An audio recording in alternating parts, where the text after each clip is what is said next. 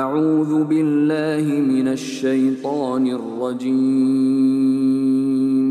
بسم الله الرحمن الرحيم. صلى الله على محمد. صلى الله عليه وسلم. صلى الله على محمد. صلى الله عليه وسلم يا نبي Assalamualaikum warahmatullahi wabarakatuh Hello and welcome to Islamic Stories Di episode yang kelima, saya akan menceritakan tentang peristiwa Isra Miraj Isra Miraj merupakan peristiwa penting bagi Rasulullah Shallallahu Alaihi Wasallam. Kala itu dalam waktu kurang dan semalam, Rasulullah berpindah dari Masjidil Haram ke Masjidil Aqsa dan menuju Sidratul Muntaha.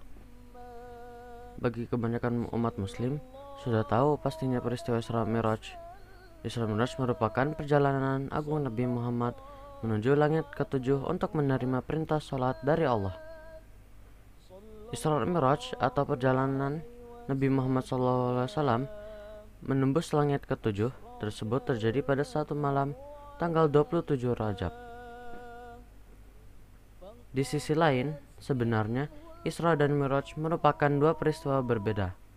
Namun, karena dua peristiwa ini terjadi pada waktu yang bersamaan, disebutlah Isra Miraj. Isra merupakan perjalanan Nabi Muhammad dari Masjidil Haram di Mekah menuju Masjidil Aqsa di Yerusalem. Sementara Miraj adalah perjalanan Nabi dari bumi menuju Sidratul Muntaha, langit ketujuh yang merupakan tempat tertinggi. Jadi, dua perjalanan yang dilakukan Nabi Muhammad SAW tersebut hanya ditempuh dalam waktu semalam. Dalam beberapa hadis yang diriwayatkan Imam Bukhari dan Muslim, suatu hari ketika Nabi Muhammad SAW bersama sahabat tengah menunaikan salat di masjid di Madinah.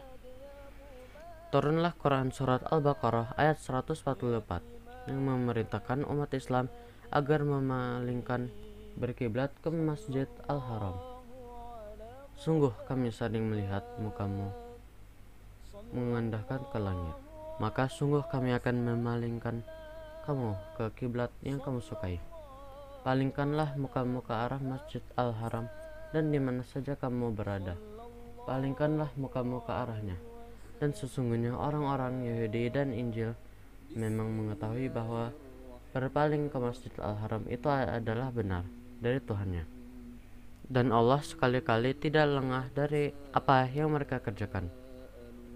Kendati demikian, dengan adanya perubahan kiblat ini, Islam tidak lantas meminggirkan kedudukan Masjid Al-Aqsa. Al-Quran telah menempatkan Masjid Al-Aqsa dalam kemuliaan terlebih saat peristiwa Isra Miraj Nabi Muhammad.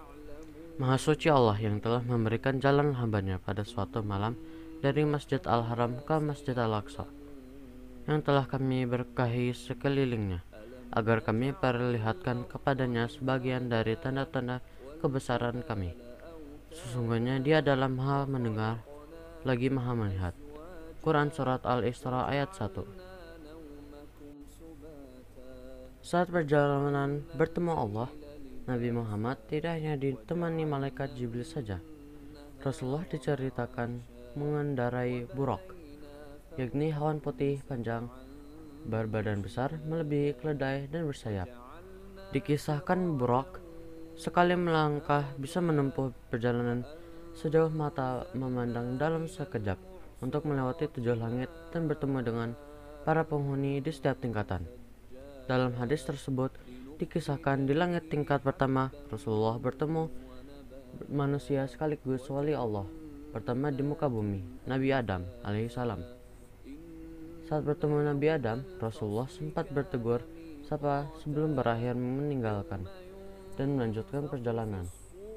Nabi Adam membalas dengan membekali Rasulullah lewat doa agar selalu diberi kebaikan pada setiap urusan yang dihadapi. Kemudian di langit kedua, Nabi Muhammad bertemu Nabi Isa dan Nabi Yahya.